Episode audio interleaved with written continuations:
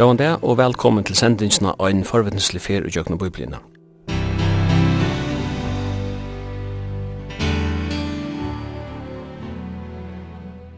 Henda sending er at høyre lintene mykje kvöld klokka 19 og endursent vir frugera 17. part klokka 15.30. Og i studion er og Simon Absalonsen Jekvan Zakariasen og teknikar er Tor Arne Samuelsen. Vi er i dag kommet fram til Anna og 3. Johannesarbrau som vi fer at vidgjere under øynene. Anna og 3. Johannesarbrau teljast i middelen til stysti og unnudja testament. Høvendun er den samme, og hva de innehalde vi vujtjur er til sera loik. Høvus avmenningarnar og i hesum brøvnun er a liva i sannløyga og kærløyga, og henda båskapen kjenna vid attur og i fyrsta Johannes brev. Brøven er helst skriva om som og tog. Og i øren og tria Johansabrav omtalar bravskrivaren seg som hin eldste. Han nevner seg såstad ikkje ved navnet, men omtalar seg som den gamla apostelen. Mottakaren av ørenbravet er hin utvalda fru og bøtten hennara. Hese malbor tidgjist av rasera personligir, men brevet vil vanliga bølka mittel til allmenne brøvene og i nødgjøsesmentet, og veri såstatt lysen som en båskaper til öll tryggvande til allar tøyer. Vid øye at hei hoa, at hus samkommer var vanligare ut i fyrste kristne tøyene, og brevet kan såstatt vera sendt til en avvisa kvinne og hennar andalige bøden, og i sauna oss som en kristen samkomma. Brevet hever ikkje nekka nøyt på, men Johannes er lukt, så enderteger han det gamla bøye at de skulle elska hver annan Bravi avverar òsni mot vidlæraren. Her vil er sipa til gnosticistiske avverskan som annars er omtala og i ötlun Johannes brøven. Besta verja imot vidlæraren er kærløyge til sannløygan. Tria Johannes brev er skriva til en mann og nevnes Gaius. Gaius var et vanligt mannfalkanavn ta i togene, og vi møta flere personer og i nødja testamentet som bør navnet Gaius. Vi vet at du ikke hver som Gaius er, men hinvin sutja vid hva han gjør. Han tante Kristus, gjør det trofast versk, levde i sannleggene og så framvis. Gaius hever hjelpt ferande troboarna ved, helst vi har givet ham mat og innevist. Johannes sier at Gaius gjør trofast versk og er samverska med vår sannleggans. Samma vittnesbord gjør han øynen og i nevnes Demetrius. Demetrius Ein tredje personer, og nevnes Diotrefes, er omtalaver i ørende nudje til 11. Og hese vers er løyde tespeli a lesa. Sjålsøkne og maktsjuka eikjente Diotrefes. Hetta var så satt heldur ikkje aukjent ut i fyrste kristne tøyen. Men Johannes amener Gaius om ikkje at teka etter hinnen ytla, men etter goa. Og jeg, jeg kunne hugsa meg å byrja vi at uh, spurt Da vi nu ikkje suttja bøgnleis i brevene hvor vi skriva brevet, vi til at høvunden ikkje nevner sitt navn.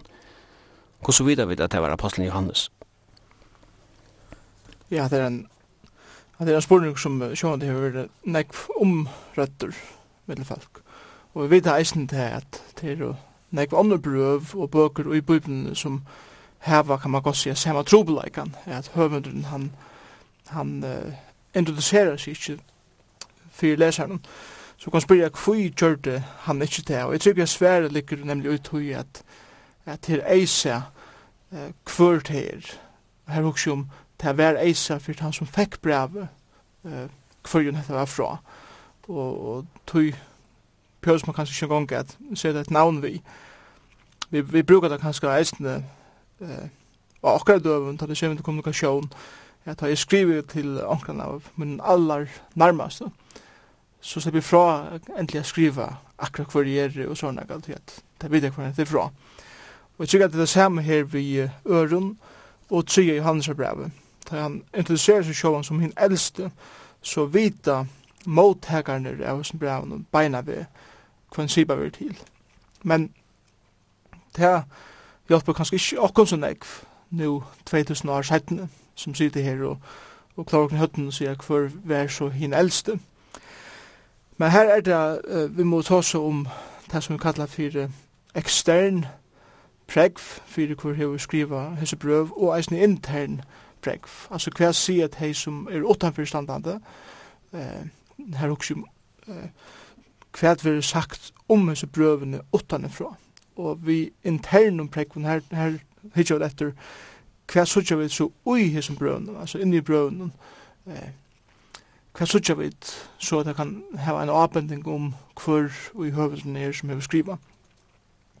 Om vi fyrst tåsa om det eksterna, så er det eksterne prekvene ikke så stor som det kanskje er i første Johannes brevet. Det er sinde veikar i tria, i øren og tria i Johannes brev. Og her også, tar vi se ekstern, så også særlig om hva det er som kyrkjefedrarne, søtte om de imenske brøvene i Nudja Testament.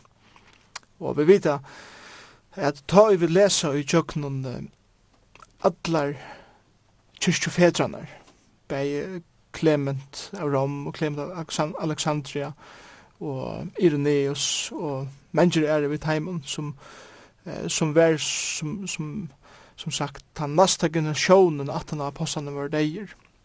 Mekker av kyrkjefetene var til dømes eh, lærersvenner Tjai og Hannese og Øren.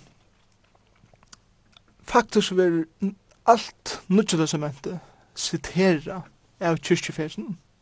Så om vi om det skulle bare så at vi miste eh nudge det som inte borster som själva inte för henta men låt oss säga hypotetiskt at det för henta så har vi alt nudge det som inte til sig vi i kyrkjefjärden till att här har sipa til alt nudge som inte men korsene så er det her några vers som ikkje er og de versene er kanskje særlig fra høren og tria Johannes brev og, og tog er det jeg sier at de eksterne prekvene for hver hver skriva Hesberg brøven er ikke så sterk som det er kanskje vi går kjenne hinen.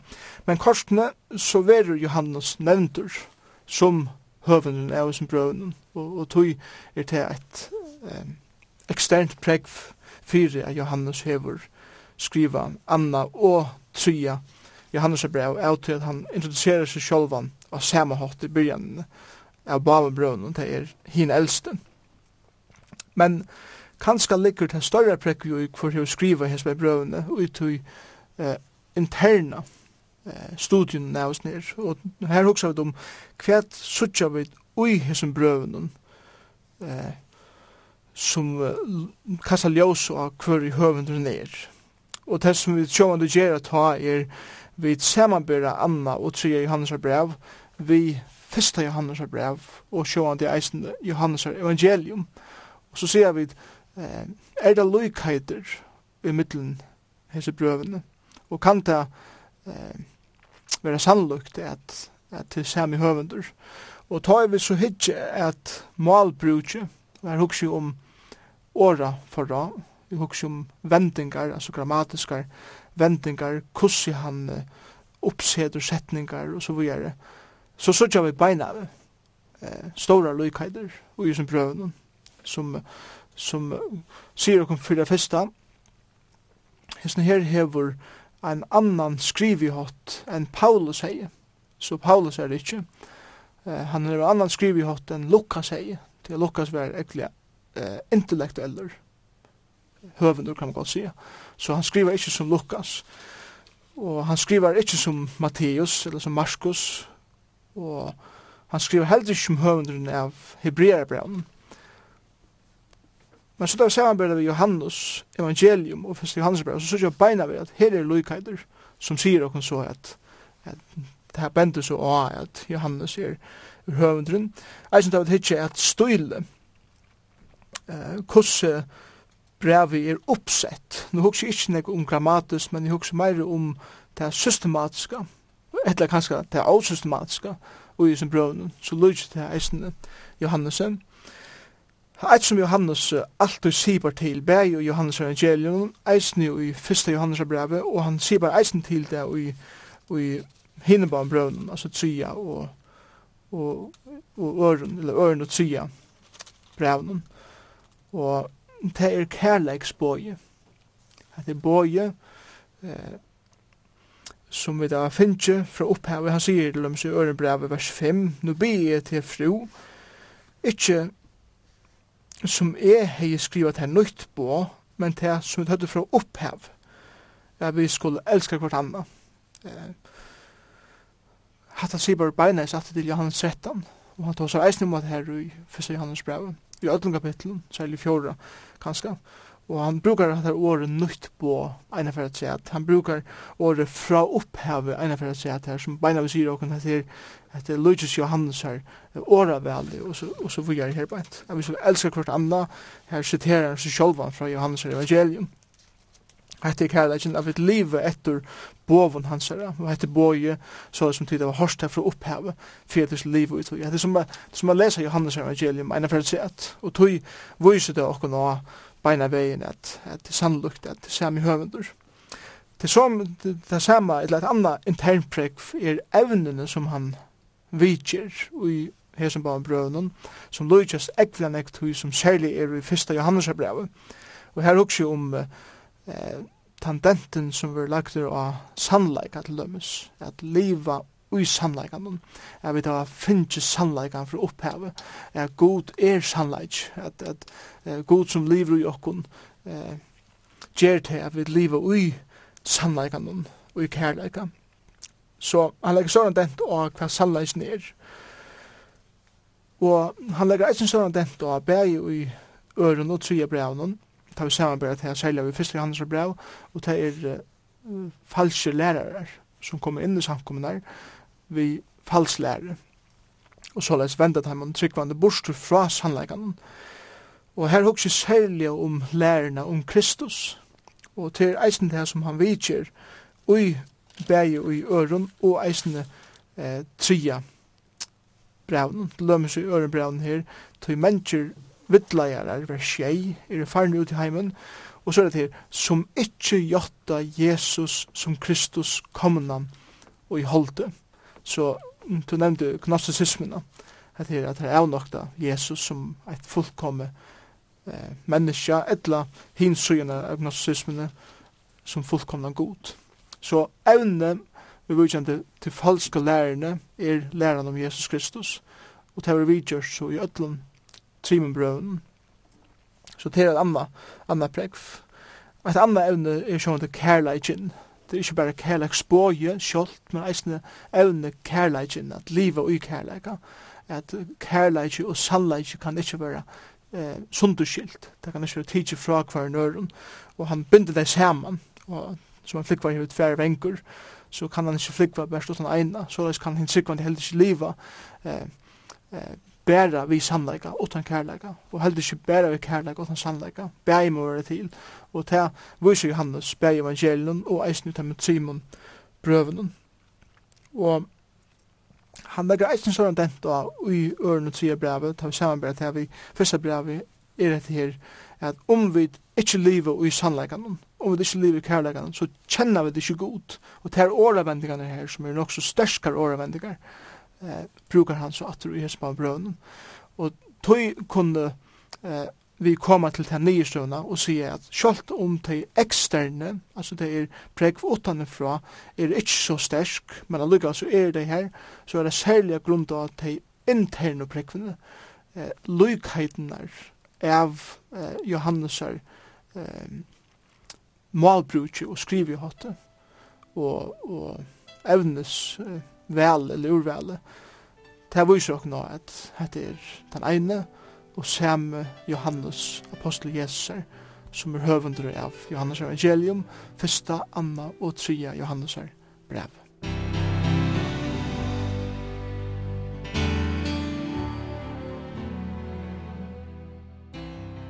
Johannes er skriva fem bøker og nødja testamentet.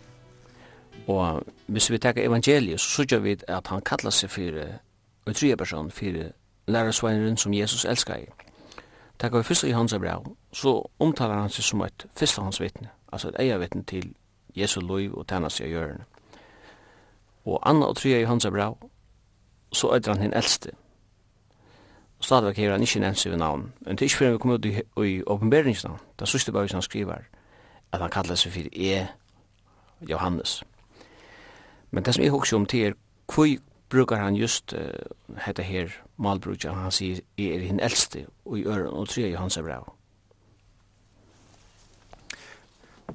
Det er sikkert at jeg til uh, Bæge hans er um, posisjon, og eisen hans er kan man säga kondition eller hans här fysiska tillstånd det alltså samma som att hvis vi vill säga eh hvis vi först tar som hans här position så vita vit eh, at Johannes var sunne sørste år, altså her hukse om åren han vær kordur ut av Patmos.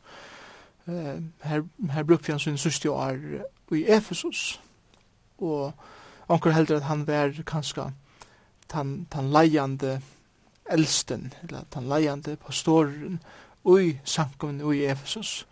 Og kanska skriver han hese brøvene, vi, vi tog titlen, eller vi tog posisjonen, som en eldste i samkomne i Efesus, skriver vi nu til eh, hessa kvinnerna som har skriver til, og eisen sjående i tre braun til Gaius, eh, en avvisen person som har skrivit til. Så, så det er som hans her titel, som han skriver til her beint. Til reisen der vi hans her myndelega er gjerra, at, at han hever eh, hetta leiande eller hesa leiande avbyrdena ui samkomne, som er eldste, som en samkomne leiare, som er leiare kanska heila tidsi av eh, taim samkomne som voru heila tidsi ui Lutla Asien ta, til at uh, Johannes var ikkje eh, bare einu kvör, han var, han var han som kanska var eldst, og hei mest erfaring. Men jeg tror han sier bare eisen til sjåan som en gamla mann her bænt. Eh, hin gamle, eller hin eldste, av, av okkur nøtlum skriver nu til ein som kanskje er yngre, nu vet jeg ikke akkurat om hendan, hendan kvinnan, eller fru som har kallat henne, hvordan gammel hun var, det vet jeg ikke, eller vi vet heller ikke hvordan gammel vi Gaius var, men det kan være at Johannes sier, nu skriver jeg til tøyen som er gammel mever, og eisen som en mever som hever til posisjonen som hever, som er eldste, og så skriver han hese, hese bare brøvene, og sender det til de som mottaker brev. Til imskar teorier om dette brev her, mittel anna hver bøtnen er i kjøsefru, og om talan er mulig kan, om hetta mulig kan setas i samband vi en hussamkomme. Ta han skriver til henne utvalgte fru og bøttene hennara, mann han hugsa om biologisk bøtten eller andalig bøtten. Ja, at det er andre spurning som, som han stender i fire, at han tåsar om, om bøtten. Det er ikke, det er at ta i bøtten vi omtala i, ære stedner, også Johannes, så sier det til, til de tryggvand, de som er våren bøtten gods, de som er født av nødgjene, og finnes ikke andre gods, som bostad og iser, de, de vil ha sjående kalla i bøtten, og jeg mener sier, Paulus kallar Timotheus sutt baten, og eisne Titus sutt egna baten, og, Onesimus, og Filemon og, og, og, og flere ånder. Og vi vet at det, det, det var ikke biologisk, fysisk bøten til Paulus, det var eh, folk som han har lagt til Herren og i trygg, og så er det bøten. Og så sier han til hese kvinnerne her bøten og bøten henne. Hvis vi tenker det som, eh, som eh, andalig bøten, altså de som er tryggvand, så, så tykker vi at det sier nok til at hendan kvinnan er ein av samkommuleieren ui hese hussamkommene ui ein til øren stegi her ui Lutla Asien, Tryggvi, ångsana her. Og så, og han kallar bøtten hennara så de som kom ui som hussamkommene som hon er ui. Nu kan det være at hussamkommene eh, kom saman ui hennar huset og tog væren kanskje en, en kvinna som hei kanskje et eh, prominent starv, at hon kunde hysa en heila samkommi i sin egna heime. Og hon er kanskje vera en, en kvinna som har vera en leiare typa, av til at han skriver beinleis til disse kvinna, og hon er kanskje vera et sle av leiare ui sin samkommi som, som han sier til. Det er så ein teori, og det, det kan det vera. Hin teorien er at han skriver til en mamme som hever nokkur avvis bøtten. Og jeg halte at, at uh, jeg har sjolver ho at hetla sinde meir tann, tannveien. At han, han tås til han avvisa kvinne Eh ui en avvisar situasjon, men som eisne er en kvinna som er i en samkomme, og som kanskje er en leiande kvinna i en samkomme, men som hever nokkur bøtten og sier bare kanskje primært til hennara egna bøtten, og det kan være en kvinne som Johannes kjenner vel, og han kjenner vel bøttene hans kvinne. Dette brevet er og medelig personligt. Grunden for å si det er, er kanskje grunden mest av at det er aller eh, sørste ørende ui øren breven. Og her, her sier Johannes at han helsan, han helsar hese her kvinnene. Han sier, Bøtten sestur tøynar, hinar og leta halsa ter. Og etter hetta helt eh mestlet bruk av en era samkommun við sam við sam en era sankum som syster Eh vi brukar or systur sankum eller dotter sankum og og, og såna det kan man bruka men men i halda við heldig teka det her som eh, som eh, vi leser det helt normalt, og, og ikke lett for nekva eh, mynda til jojeter. Jeg tykker vi at Johannes, om han er i Efesus, skriver til han en kvinne som er kanskje en øren boie, og i Lutla Asien er det langt bort til å ta videre til akkurat, men henne kvinnen hever en sister som Johannes ser kanskje reglelig, som er i Efesus.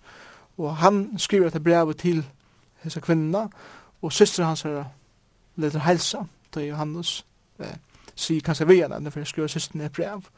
Og tog enda og sier bøtten til sisten kjøter at det helsa så hun er eisende, eisende bøtten. Og hon er eisende tryggvande leser vi til at hun er utvalgte mamman er tryggvande og eisende bøtten kursier er, er tryggvande til at det er for bøtten helsan kommer. Så tog, tog vel de sagt at jeg tykker Johannes skriver til en kvinne som hever nokre bøten som fylgjast vi herranen. Han, han skriver for å oppmuntra deg. Kvinnan hever en syster som eisen i tryggvande bøten som lada helsa. Kan man godt si, synen sistna bøten. Men samtidig så vil jeg eisen si at, at dette brev, sjålt om det er personlig brev, er skriva til alle samkommer, til öll tryggvande at kunna læra av. Og, og, og tog eh, fettler til brevet eh, av samme hatt som alle hinne brøvene og alle hinne bøkene i bøypene, at selv om det er skriveier, eller skriva igjen til en avvisa situasjon, til avvisa personer, så er det lykka eh, nyttelet, som, som Paulus sier, og i alle omstøven til alle samkommer, til alle, alle einstaklingar, eh, alle stenar, til alle tøyer.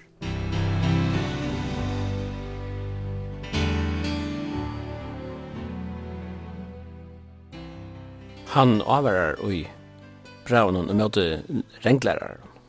Og det kjenner vi datter bei fra tria braun og fra fyrsta braun. Og så sier han her at uh, mennesker vidleier er ferne ut i heimen som ikke gjøtta Jesus som Kristus komnan og halte.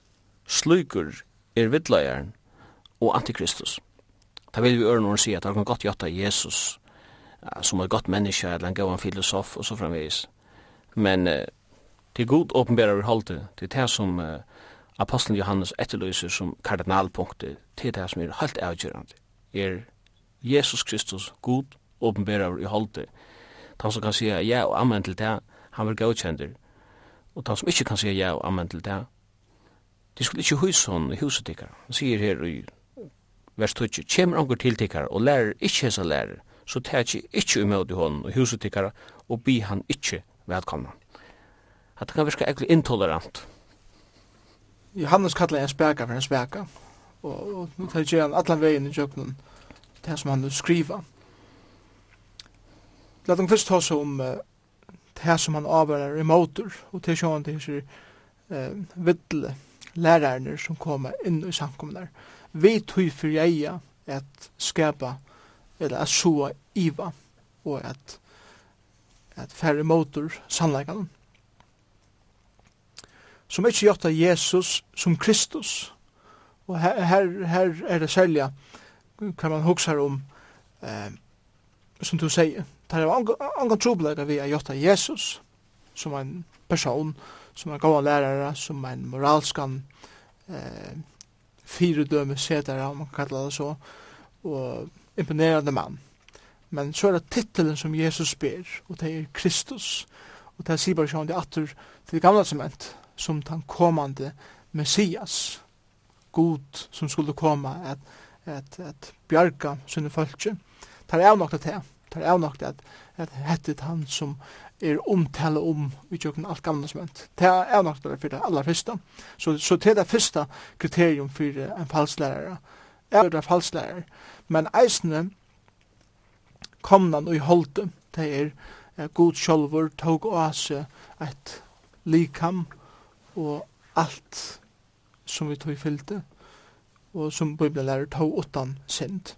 Og det vil de her, her eh, gnostikarner ikke vikenga, at det er Messias som vi eh, har sett akkurat trygg var, eller som tid har sett akkurat trygg var i tarra forholdet, eller til at Jesus har kommet i holdet, til at gnostisisman lærte det at akkurat likam, eh, det fysiska er eh, fengehus, som uh, salen er fengu i, og tar, tar hukte at tøy likamlige, at tøy materiella, som uh, nega ønt, og det materiella, det likamlige skulle avnoktast, og det skulle tøynast, og det skulle uh, være kors til sui, så vi skulle sutja fram til at salen, som tar kalla av det, uh, skulle være løst ur som fenguhusen, og tøy avnoktast det at, at uh, Jesus, uh, kunde være, eller at hesten her godomlige personer kunde være i en slukon fengehuse eisne, og tog av nok av det til at,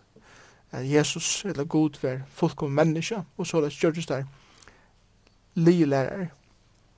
Så sier Johannes, sluker er vidt, vittleieren og antikristus. Så her, her er en avviser titel som, som han gjever som falsk læreren.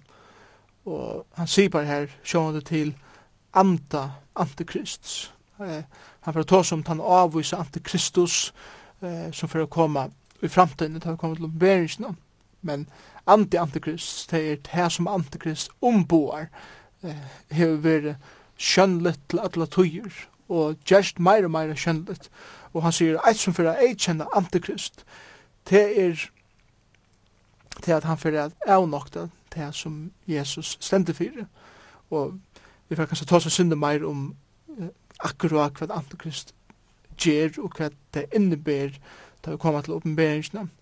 Men i helst dotten så merker Antikristus til at han, han røyner er gjer så lykan Kristus men korsen er en falskan hatt og er så statt i motor öllum tog som Kristus gjer best av en ekvelia innbattleian og iubuisande mata som virkar og medelige og skiltjur i fyrstandene, inntil ta verlige åpenberes for hva det er. Så det kan å sørge meir i, i åpenberingene. Så kommer vi til det andre som du, som du sier bare til. Og, og det er som du les, jeg kan lese nødvendig øren det eisne, at hvert han og viker av lei, og vi er ikke verifiverende lærer Kristus er hever ikke god. Og her sier bare han sånn til henne kulten som kom inn, at det er omgang er sånn kjent god. Han som er verifiverende lærerne hever bare færen og sånnen, kommer onker til tikkar og lærer ikkje hesa lærer, altså det er Jesus som Messias, Jesus Kristus, og eisne at Jesus er fullkommen god og fullkommen menneske. Eh, Tætje så ikkje imot honom i huset tikkara, og bygge han ikkje vel komman. Samtidig så sier han, eller så tar han alt om at her, at at vi skulle elska kvann annan, og vi skulle teka kvör mot røren, og så videre. Og er det nu knappt noen motsøkn her, og jeg halde at eh, Sverige her er sjående nei. Her er ungen motsøkn, men man sørger det i ljósen av omstøvene og eisene til søvelige bakgrunden, da man hikker at en slik verset som man her. Man kan ikke, eh, jeg tror ikke det som, jeg tror ikke at Johannes sier her beint at tala benka med dittene kjødikon, og det husker hvor det er, så skulle det smekka horene i høtti av dem, og ønska vi til å gjøre. Jeg tror ikke det her som, som uh, uh, Johannes sier. Ta i vi samanbæra uh, nuslo av åren og kærleika, og i fyrsta Johannes brev, og øren Johannes brev, eller rett har sagt, og i øren Johannes brev, og i tre Johannes brev, Så sørger vi i øren Johannes brevet, det som jeg kallar for kjærvan kærleika det er det som amerikanere kallar for tough love. Det er det samme som at du skal elska personer, men du skal vise dem om disiplin, eller tikt, til at her er å skriva i lei. Du skal ikke ha ønske vidt gjøre, men i kærlega skal du tikta der. Ta det kommer til tre hans brev, ta, ta er det mer hesten åpne kærlegen, at heser predikmennene som feras rundt og predik evangeliet og læra eh, om Kristus, som er ratter og sanne lærere. Taimen skulle teka motor, og de skulle hysa dem, og de skulle få der, og de skulle stola der, og så videre. Så han ger mån av herbeint. Falske lærere skulle ikke teka motor i husen tikkara, og ikke bjóð dem velkomne. Ta han sier at det her, at ikke bjóð dem velkomne i husen tikkara, ta, ta innebært her så ølen jeg meir enn det at onkel benkar på i horne og, og, og prata vet jo om okkurst og, og at jeg må smekker horen i høytjødene. Jeg lyst til det som han sier her.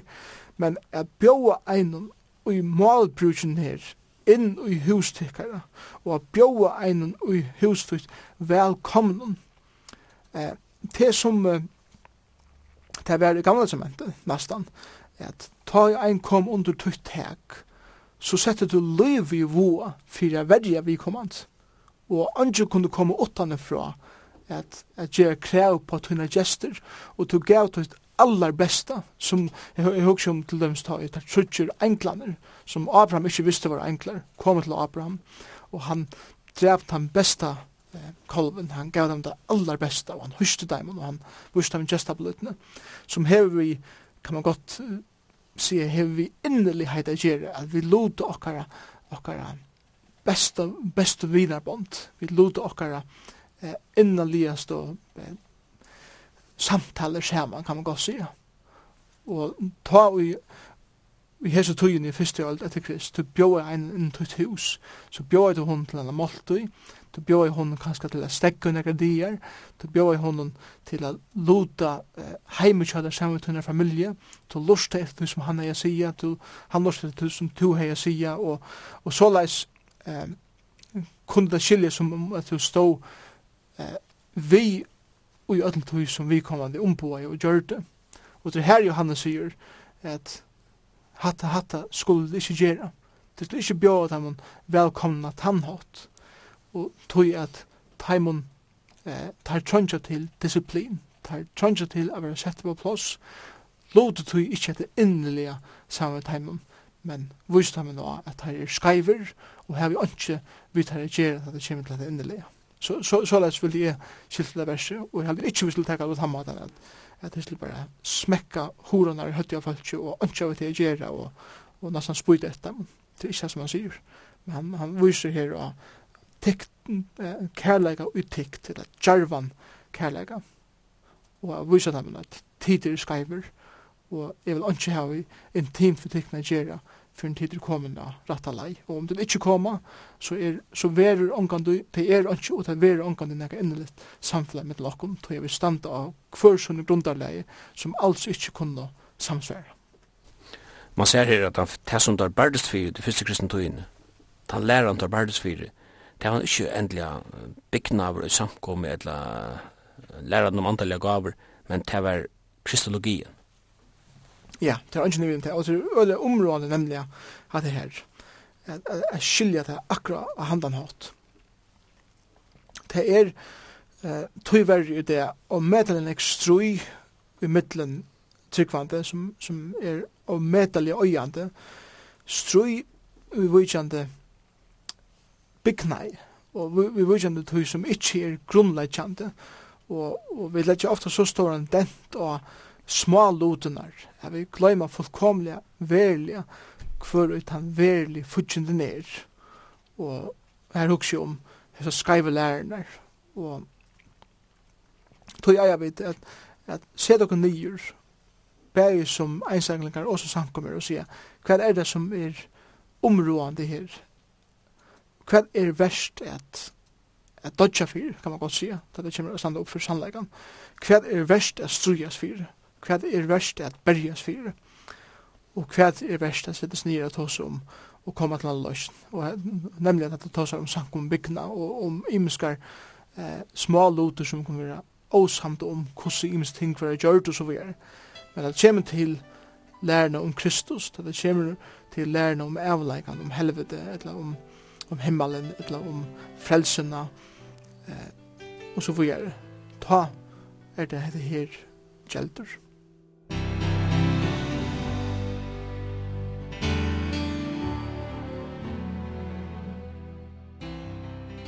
truar jottanen så som ut, så kjenner ut det, for eksempel ut i lutherske kyrkjene, hon ble jo samtikt, og hon er etle gommel, tullja og i kyrkjesøvne, som et ørslit, etla som et, en møtvekt, møte gnostisisme mer vidande.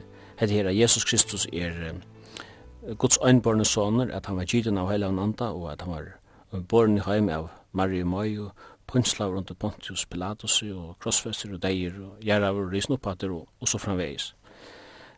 Tar som jeg formulerer en slugga troer at han eh, tar jeg haft en grundfyrd.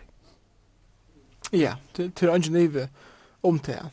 Tar jeg tar seg om uh, gnosticismen da, så, så vært her sjående han titelen eh, av hese vittlære som vær og hese tog i tog, nu er det som jeg skriver, det er første alt etter Krist.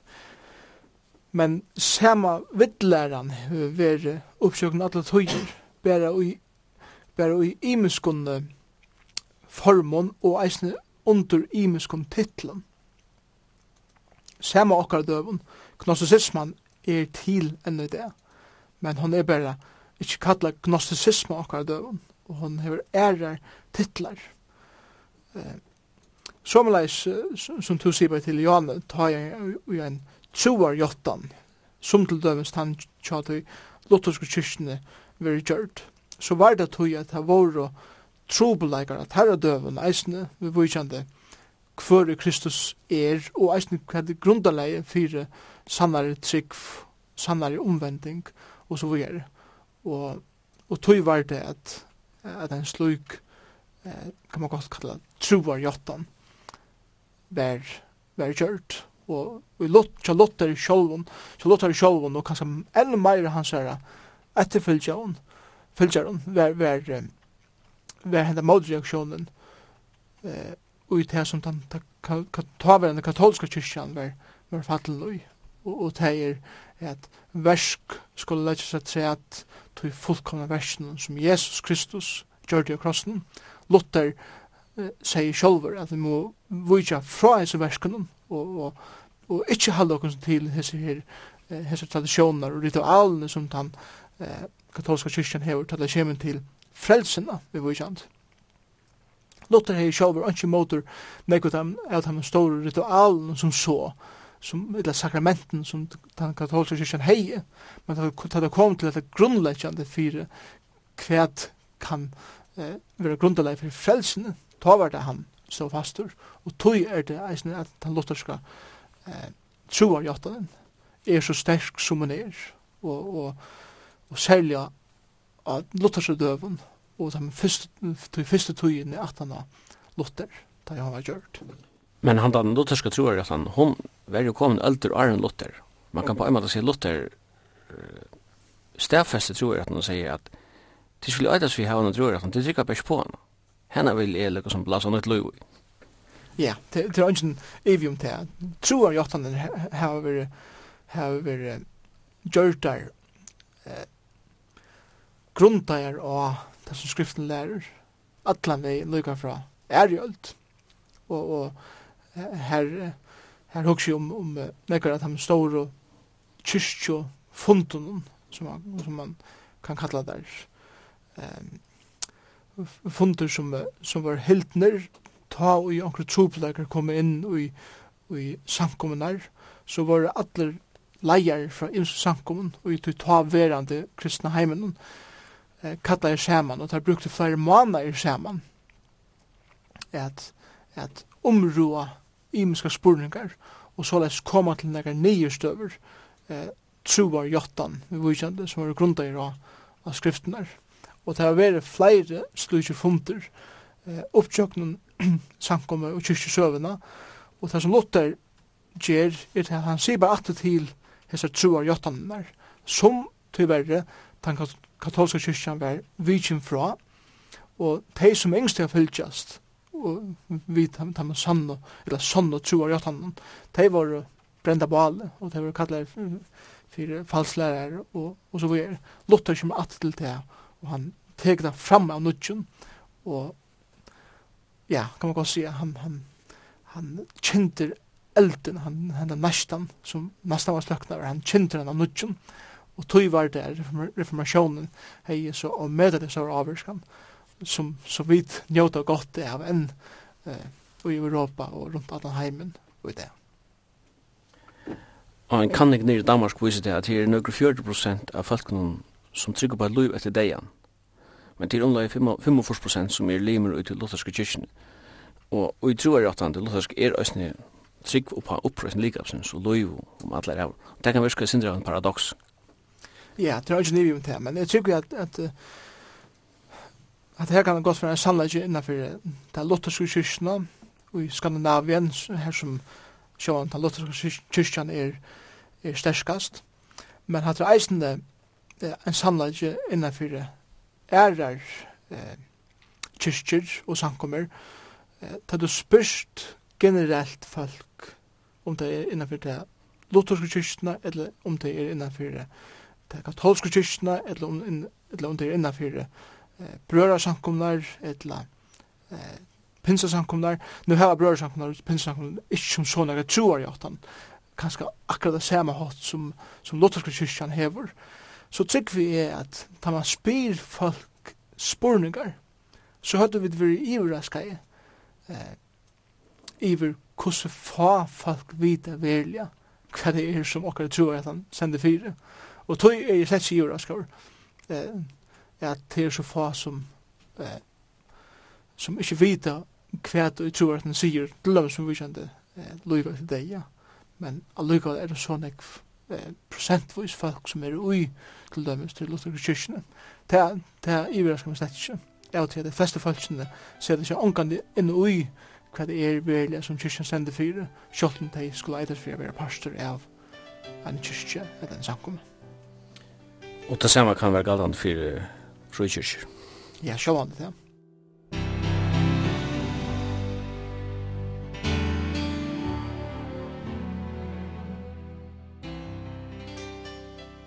Jeg kan, hvis vi hittja tria brev, innihalsmessig så er det ikkje avløyk. Nå skriver han til en som kallas for Gaius. Og til nek vi vet om han. Nei, vi vet ikke nek om, om Gaius. Og det er jo flere Gaius her som er nevnter i, i Nudja Testamentet. Til dømes er det ein Gaius fra Makedonia som er nevnter i apostelsøvende Nudja Nudja 20. Det er eisen en annar gaius fra Derbe, som er nevnt i Apostelsundet 20, vers 4. Og så er det en annar gaius fra Korint, som, uh, som Paulus boi tja det han var i byen, som er nevnt i Rombrevne 16-23, og eisen i fyrra Korintbrevne 1-14. Men uh, det tar for å si akkurat her, hver det er. Gaius var et helt vanligt navn i hese tøyene, ta i dette brevet jeg skriver. Og det var lykkende vanligt navn som uh, Hans, eller Jekvan, eller hva som skal være for navn, og i fyrjun. Og så, så var Gaius et, et vanligt navn her ute i romverska heimen.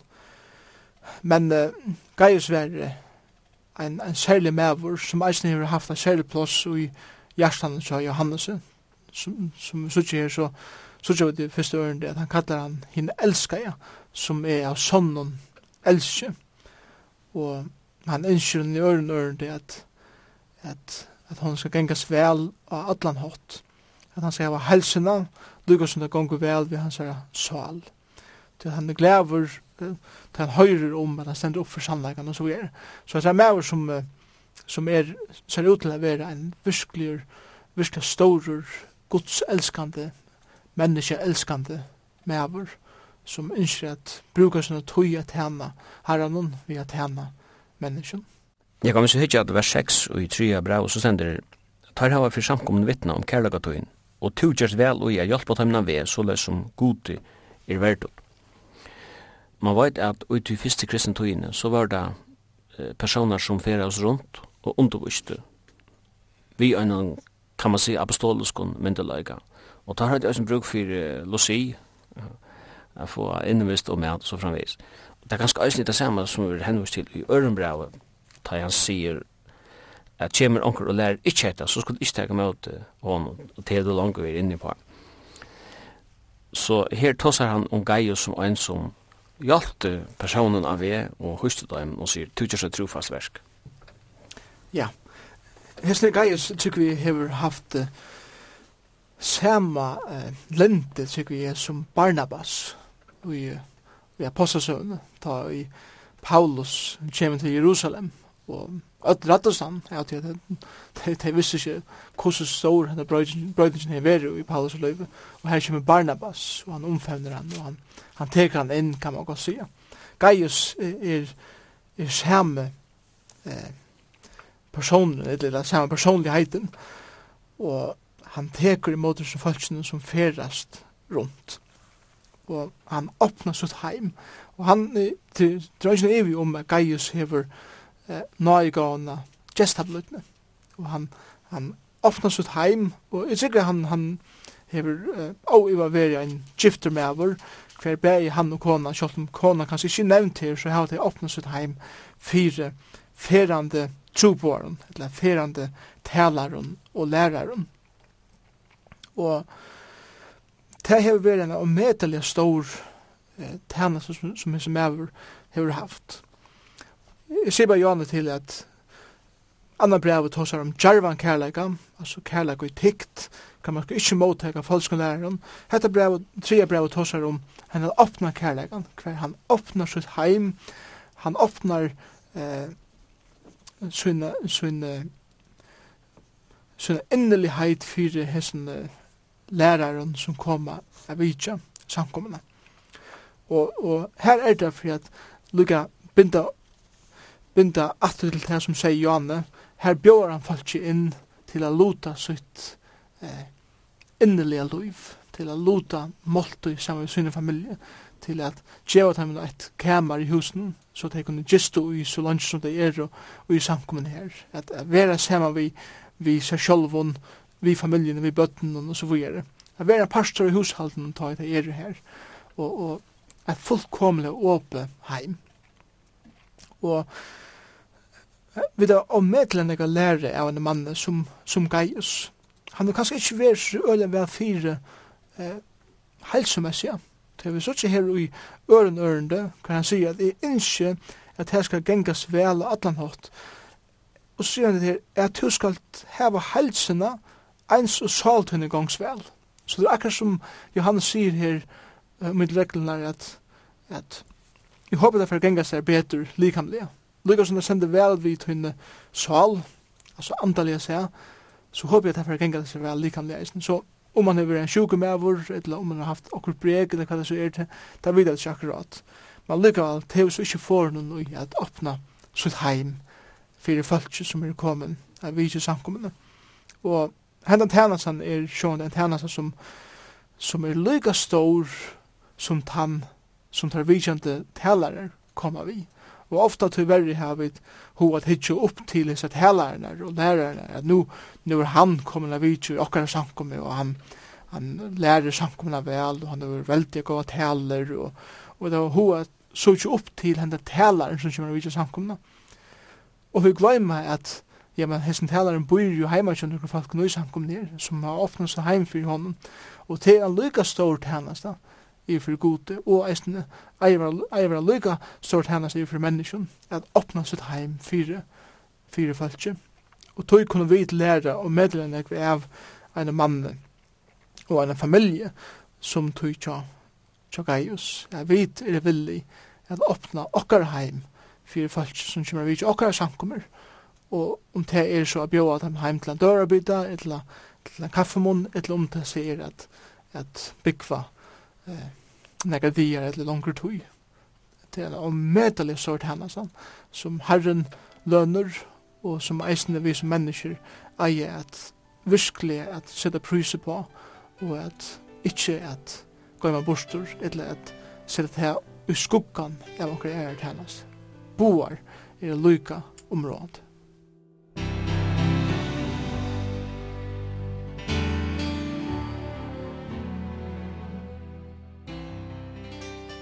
Han omtalar en annan person her som kallas fyrir Demetrius. Og han gjør også i hånden et, et, et størst vimmel. Han sier Demetrius hefur gav han vittnesbor av etlun og av sannlegan han sjálfum. Øysene vi gjør hon vittnesbor og to varst av vittnesbor okkara er sander.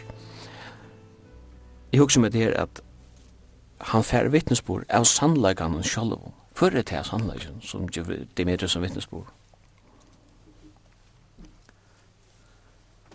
Ja, til det er ikke om at, at han sier bare sjående til til ter grunnleggjande til ter grunnleggjande sannleggande som Jesus leie nyer av fyrstentøy da han lærte sjølver da han var her a gjør og det som han, det som han sier herbeint er, er nemlig at han hever gav vittnesbord av ötlun og av sannleggande sjølven det er at han lever opp til det som sannleggen stender fyrir og det som sannleggen er. Han stender fyrir det som sannleggen er og tog eh, tog kan man godt si at han, han avspeklar sannleggen. Folk som hitje etter eh, Demetrius de, de sutja eisne at han lever sannleggen, og tog er sjølver sannleggen en vittnesbord om at Demetrius er rattarlei og at han omboar samleikan og sjående Kristus vel. Og jeg tykker jeg tykker at, at Demetrius skal høyra ein dag hans åren fra Jesus og sjolvun eh, i framtiden at takk fyrir sinne tænas gode og tryggve tænar. Og såles er han, eller hever vittnesbúren fra sannleikan sjolv. Vi sykja at året kærleidje og sannleidje til likla år, og jeg kan alt tro i hans av brøven og takka minna meg av åren til Paulus, sannleggen og trygg og i kærløkken. Hvis vi tog så okkom er at uh, vi halda fast ved sannleggen, men ikkje kærløkken, uh, så er det kjøtt at man ender inn i en her, hva skal man sija, betong, teologi, fariseisme, og som uh, avskrekker folk. Uh, hvis det bare er sannleggen og ikkje kærløkken, omvendt, Hei man bæra kærløkken og ångan sannløkken, så manglar man et, et fundament, et bygge sin, sin trygg var. Så her er en, hva skal man sija, balansegångt, at man ikkje offrar sannløkken av kærløkkens altar eller omvendt, men at jaun var er ui. Hatt er en, en trobladje som vi öll bergjast vi alltid. A finna enda jaun var i middelen a vera nøyrygur, a vera kærlagsfutler, og samtøys a vera sannleikanen tryggvur. Tror ikke nivint her, du sier bare her til til Efsbra 4, vers 15, at vera sannleikan og tryggfur ui kærleika, og til å ønske nivig om det.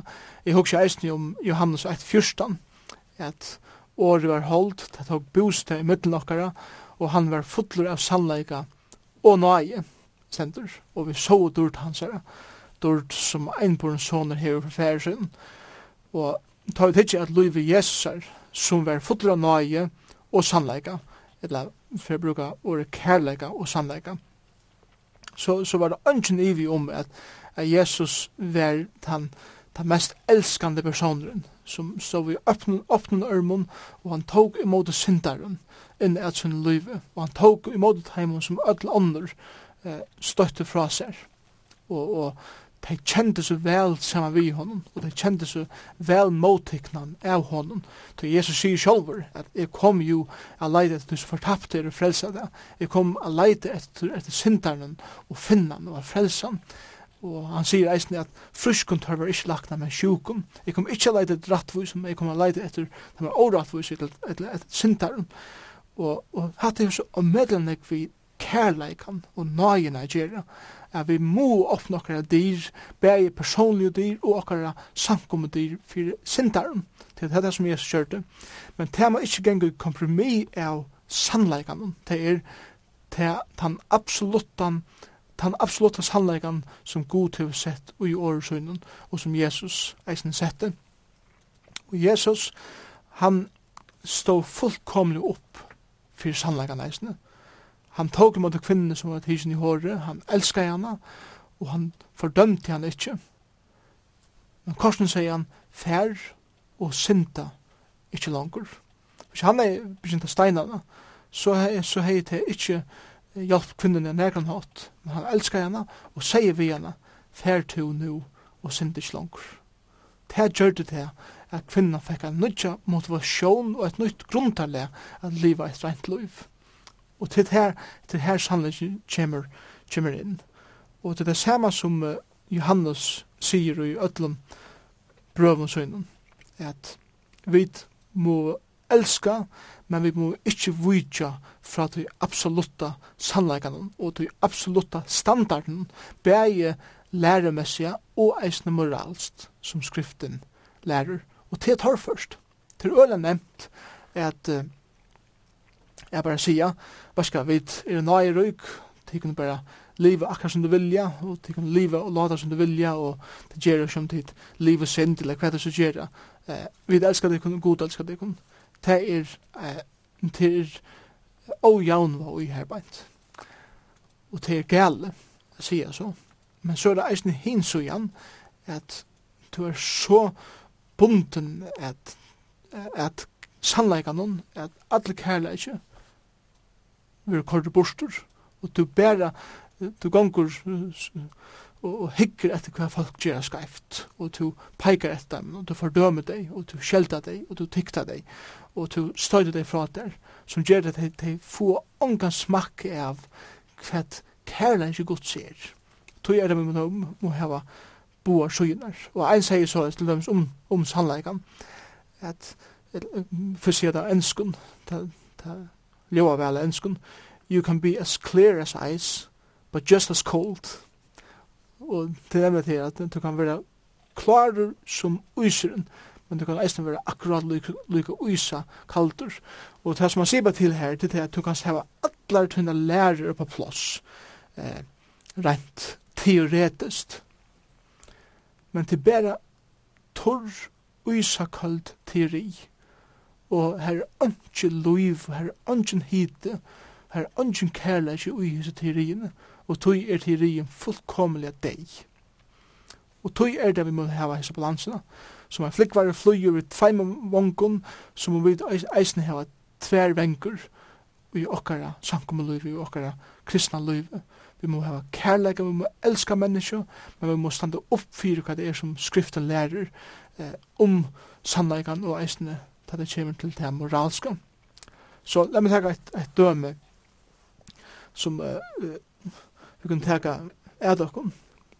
Hvis det er en person som, som uh, er i samkommende og som lever vi vilja og i synd, og han kanskje kommer inn i samkommende, så er min første arbeid ikke at leipa og letja av vikommande og sier, hva skal du skal ikke komme her til at til at du, du, du lever sint, og vi vil ønske vi til her gjøre til at du dolkar okkon, og, og vi vil være kalla heilo her, og så vi er. Så er så færen urbalansene. Oppgående mer er at elska vi kommand, at oppbytja et forhold, et kærlagsforhold vi vi kommande, at skapa et alit, så at vi kommande veit at hese falskjene, eller hese personen elskar meg ta ui så ein tøy er omligin, og det kan godt være lang tøy. Hvis vi kommer til ta en liver ui sint, så, så er det, så er det, det store vi tøy er til at han kommer i samkomna, er under avvurskanene av årene, Hvis jeg låp etter den første dagen og støtter den ut, så er det ikke gang vi under avvarskene av årene, og til året som fyrir at ombrøyda mennesker, til huksner åt og til liv i åt. Og Og det for jeg gjør at at at han tog, tar vi kommer til å se at her vil jeg elske over, her kjenner vi velkomna. Ta kan jeg fære, tega om han og sige, la dere se dere nye og prate om, om dette her uthøyne livet. Ta for ikke støy den framar til at han veit at jeg elsker han, og han fyrir lusta. Ta det ikke jeg som fordømme, men ta det god og årgods som dømer, og til det som fyrir brøyta menneskjaløv, og til det som fyrir gjeva folk til det rette grundelei fyrir et liv og et rett liv, og ikkje bare til at vi peika av folk, og, og til at okkar samkom skulle være rein som mødet. ja, men altså, det er menneskja traldommer, og til ikkje det som kjemur verilig fra gode, og tog sier jeg, let deg vise kærleika ja, men det er god for at han som iviser og samfører mennesker om eh, sint rattviser og dom, Og såleis skal at menneske verlig være ombrøyt innanifra, og ikkje bare okkur iverflatest utanifra. Og det krever tål, og det krever kærlega, og det, det, det krever eisende at man teka nokre kritiserande år fra legalisten og sjølvrattvisun, eh, såkallan tryggvande mennesken. Gnosticisma og renglæra var en trobladje til fyrste kristentøyen, men en annan trobladje som vi eisen sutja at det var maktsjuka. Hvis vi hittir at tre i hans brev, så sutja vi det her trutje personer omtaler. Den første er Gaius som brev skriva til. Han færa sera, sera vekort vimmelde fra brevskrivaren, Johannes. Og i talte vers sutja vi Demetrius, han færa sera vekran vittnesbord eisne. Men uh, i nødgjende verser, her er en annan person omtaler til den tredje personen, det er Diotrefes.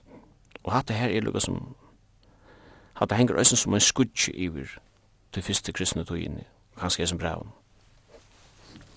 Ja, Diotrefes var til verre en maver som som var i samkommende og som valgte å medle såra trobeleikar i samkommende.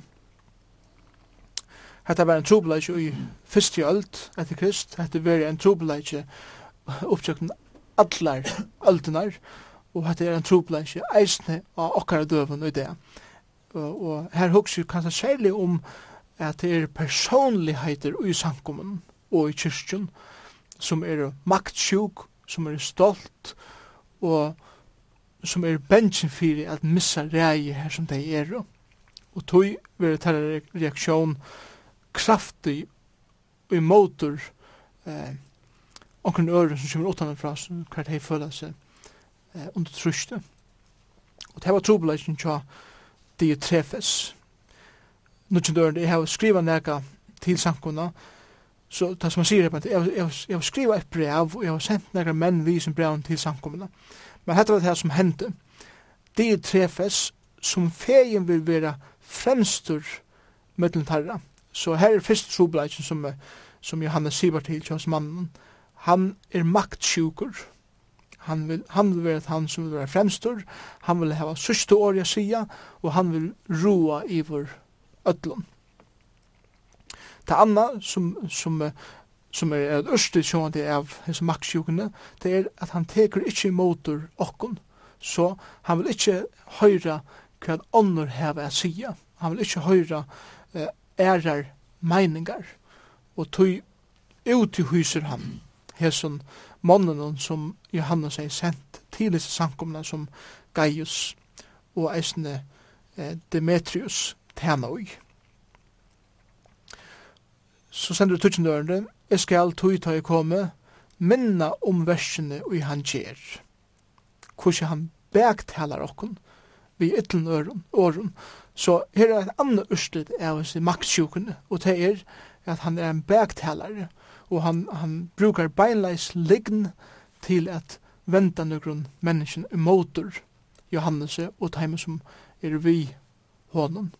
Så, så bergtalan ei kjenner henda mannen, og lign ei kjenner henda mannen eisne. Og hette er ikke noe mykje, nei, fyrst teker han seg, fyrst teker han ikkje sjolver imot brøren, så han, han er kurser ikkje sier gana, som han er gestabløtene han vil ikke ha vi som mennene å gjøre. Og så gjerne forer han eisen time som vilja gjøre det, og køyre ut ur samkomne. Så han sier til at, han sier følelsene, til skulle alls ikke åpna tikkar heim fyrir Johannes og time som Johan er, og, og de som har gjørst det, har han bleke ur samkomne. Så her sørger vi en mann som har omedelig store trobleikar. Men Johannes sier greit her beint at jeg skal minne om versene og han gjer ta jeg komme. Vi gjør norrun, ta jeg komme til sankum nir. Ta skal jeg teka meg av hese eh, hese trobleikar og eisne av hese mannen de trefes og jeg skal seta han på plås og jeg skal gjera det som skal gjerast vi han.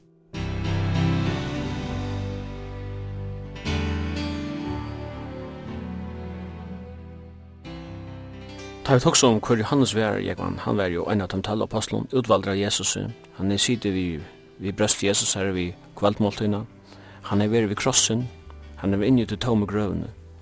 Man kan undra seg av at nekar tørt å sitte seg oppe møte til apostoliska myndelega som hesum er en omboi.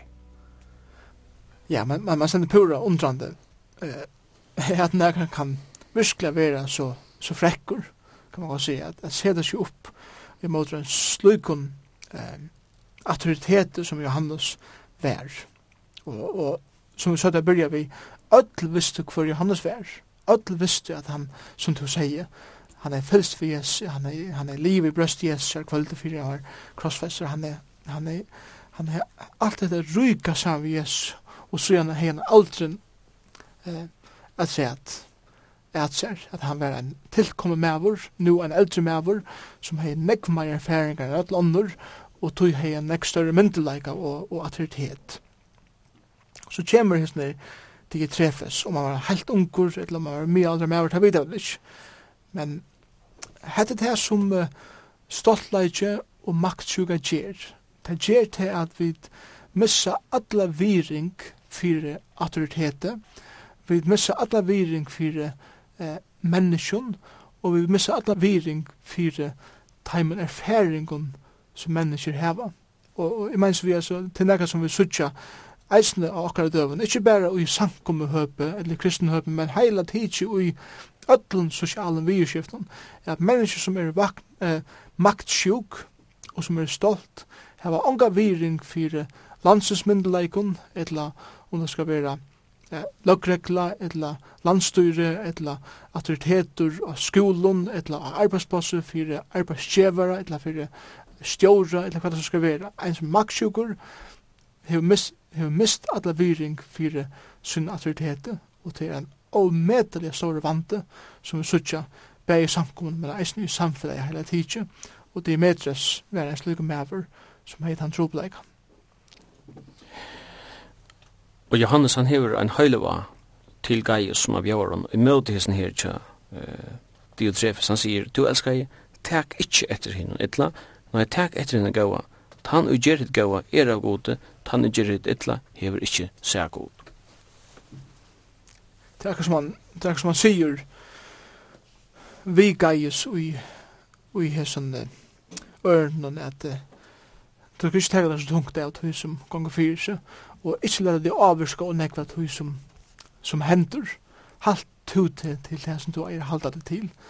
Og ikkje lade det her skugge iver til samfella vi Kristus og til samfella vi tar vidkjende troboerne og lærerne som koma og eisne henne tidsi vi eh, hine og i samkommende.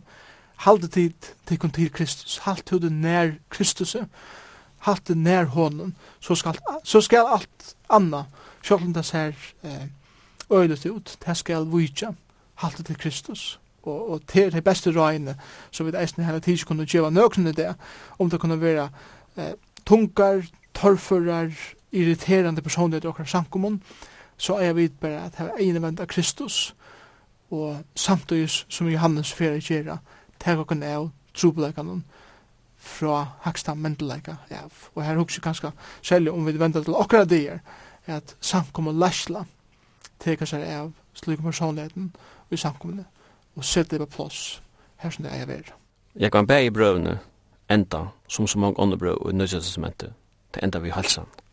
Ja, det gjør hans bære brøvene eisene og til det som særlig vi hesenbaven brøvene er det at heser, heser hendan personlig helsen ut til å være særlig innelig.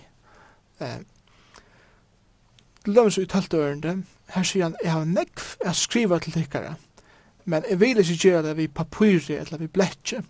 Nei, jeg vågner å komme til tikkara og tala munnlige vi tikkum, så gleder jeg okkara, altså gleder jeg okkara.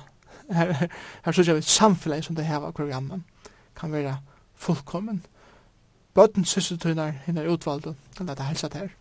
Så gjerne leser vi det i 13 døren og i 3 brevnen.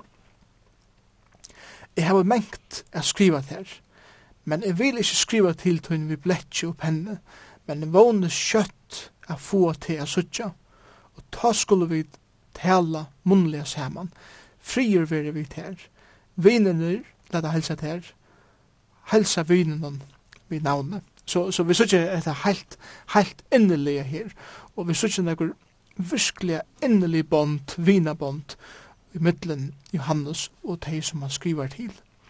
For det første så sier han at prøven som nå skriver er stått til det er, er er tror som skriver for nekt til det er ikke å komme til tikkere, at tåsa anlit til anlit og være samme vidtikken, så vi kan ha samfunnet hver vi annan. Og så løs jeg glede okkar kan være fullkommen. Og han sier i barnbrøn at er ferdig å komme, jeg vet ikke, jeg færre sørger dykken kjøtt, så ta for et veldig tåsa om, om atler lotener. Så han tåsar om, om hese glädjena som ska være fullkommen i, i ørenbrevet, og han tåsar om frien som skal være vi geise og samkommen her i tre brev. Så, og, så her sørger vi disse kombinasjonene mellom glede og fri som, som han eisne eh, introduserer bei brødene vi glede og frier for vi tikkum. Vinner, det er helst at her, så det er sånn at det er vinner som er vi og hannelse. Eh, som det helsa Geisen, og så sier han sjølver, og helsa vinen vi navnet. Og her sørger vi at dette er en sankoma, en hussamkomma, møvelig. Her Johannes har brukt nekva tui, tui at han kjenner ödlu i sankomene vi navnet. Han kjenner det personlige. Han hever et innlett personlig samfunn vi kvann einstegan ui, ui samkommene. Og som kanskje eisen sier okkon, at samkomman kanskje ikke vil være så øyelig stor. Men, men det, kan være, det kan godt være at det vil være en stor samkomman lukkavan, men han kjenner ødel vi navnet. Og, og til en egen uisen her, at, at helsa en person vi, vi navnet. Og, og jeg tykker at det er en oppgave tja, tja okkun som, som er samkommun leirar. Og heila tidsi folk i samkommun, jeg vi lærer okkun at minnast nøvn. Det er nega særligt da ein sier eh, vi med hvordan gonger han sjolver eller hvordan gonger jekvan til, til måneder av tog til at ta i mitt navn vi nevnt så, så følger beina vi at vi kommer til å kjenne mitt navn du kjenner meg bedre og, og til en større respekt som vi skapt i mittel personer da vi nevna navn okkara og i mittelen og tog er det Johannes innskjer at hekka tøyina her jeg sier vi Gaius Gaius helsa hverjum einstøkken personene vi navne fra mer. Si Johannes lat helsa til her, eh, fyrir fyrst her, Demetrius, Johannes lat helsa til her, og så öll hinne navnene som er i samkomne, og til at tås her, nemlig om, om at her, er vera sannleikan trygg for ui kærleika, at og kærleikin skal vera det som vit eh, standa saman om kærleikan og, og sannleikan vi får ikke annet. Så helse, helse, vinen, vi navnet, er nok helt, helt størst som Johannes endar hese i brøvene vi.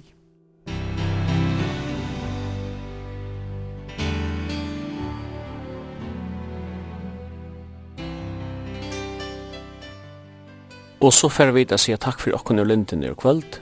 Vi skal si fra at henda sendingen Ein forvitnislig feriegjøkken bøyblene er at høyra kvart mykje kvöld klokka 19 og endersendt vi er við 17. part klokka 15.30. Og i studion var Sømmen Absalonsen, Jekman Sakariasen og tekniker var Tor Samuelsen.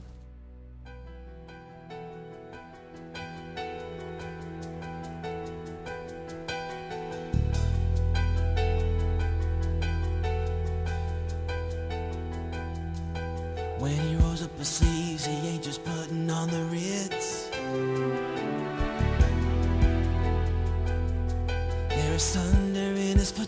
Lightningen his best The Lord wasn't joking when he kicked him out of Eden. It wasn't for no reason that he shed his blood. His return is very close and so you better be believing That our God is an awesome God. Our God is an awesome God. He reigns from heaven above with wisdom bar and Our God is an awesome God.